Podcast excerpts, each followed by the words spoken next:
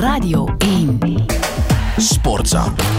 1-4 en het had uh, nog veel erger kunnen zijn. It's a shame, inderdaad. Want onze Rode Duivels die zijn gisteravond gewoon afgedroogd door Nederland. Goedemorgen, Peter van den Bemt.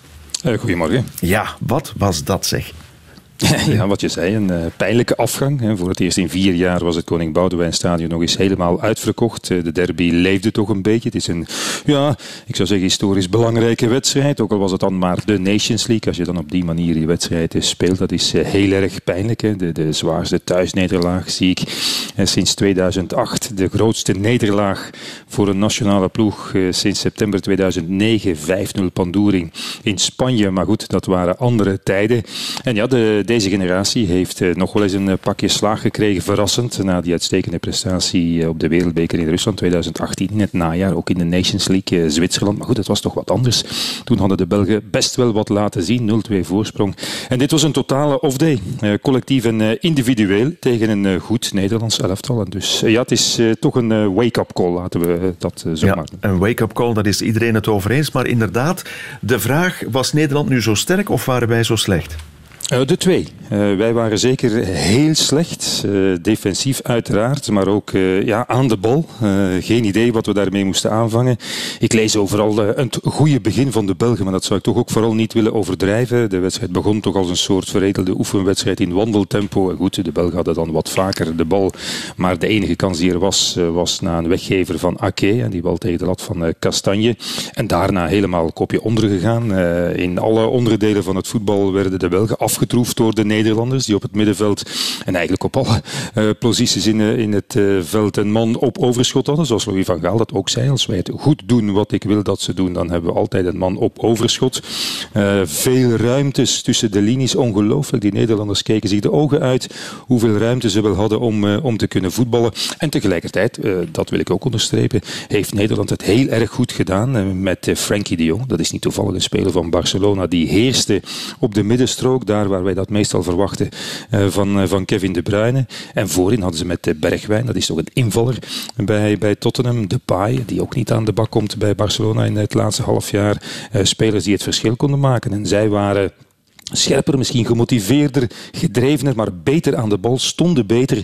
Dus in alle onderdelen van het voetbal nog een keer uh, waren ze beter dan de Rode Duivels. En dat ja. uh, is een, een, een, veelbelovend elftal, zou ik zeggen, met het oog op het uh, WK. Die veel, Nederlanders. Ja, ja, veelbelovend elftal, dat oranje elftal.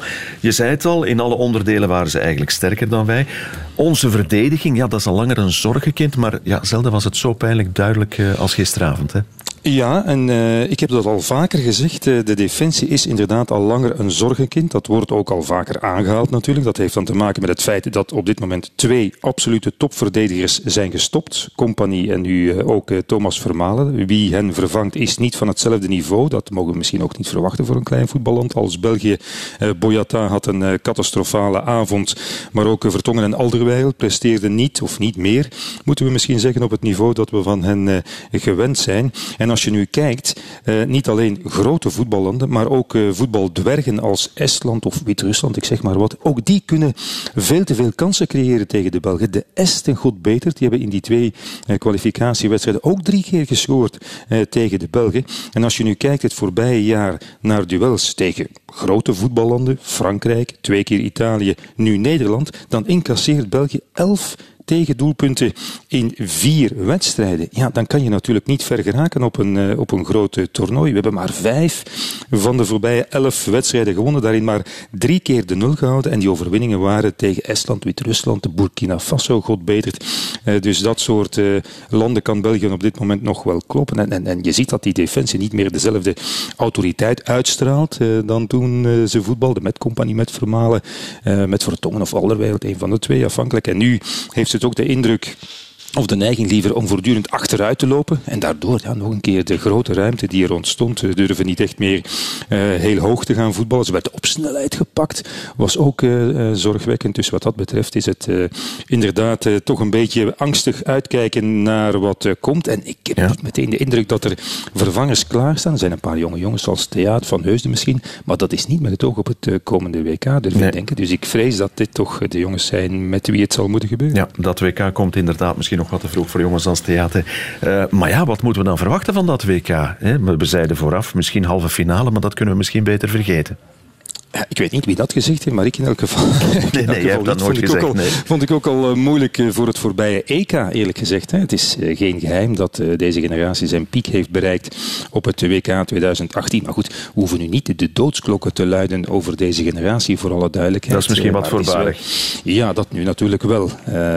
het is nog ja, een klein half jaar. De bondscoach ja, ja, ik heb maar 17 dagen meer om hen voor te bereiden. Maar goed, het is niet van vandaag dat we weten als de absolute sterkhouders, de absolute sterren van de Rode Duivels uh, ja, niet fit zijn, niet in vorm zijn, vermoeid zijn. En dan heb ik het over de Bruyne, Lukaku, eh, Eden Hazard, Teller Witzel bij. Ja, dan is België natuurlijk maar een gewone ploeg. Het is niet dat we twintig ja, voetballers hebben van, nee. van absolute topklasse natuurlijk. En dat is gisteren nog maar een keer gebleken. Dus de vraag is, het komende half jaar gaat Lukaku weer de topspits worden die hij een jaar geleden was bij Inter. Gaat Eden Hazard nog zijn niveau halen? Van de Bruyne zijn we zeker. België heeft een absolute topkeeper. Dus het is niet zo dat we na die nee, nederlaag nee, nee, nu tegen Nederland ineens moeten denken dat er niets meer mogelijk is. Maar het was wel een belangrijke test ja. en zo komen er niet te veel meer voor het WK begint. Dankjewel, Peter van den Bemt. Tot ziens. Sportza.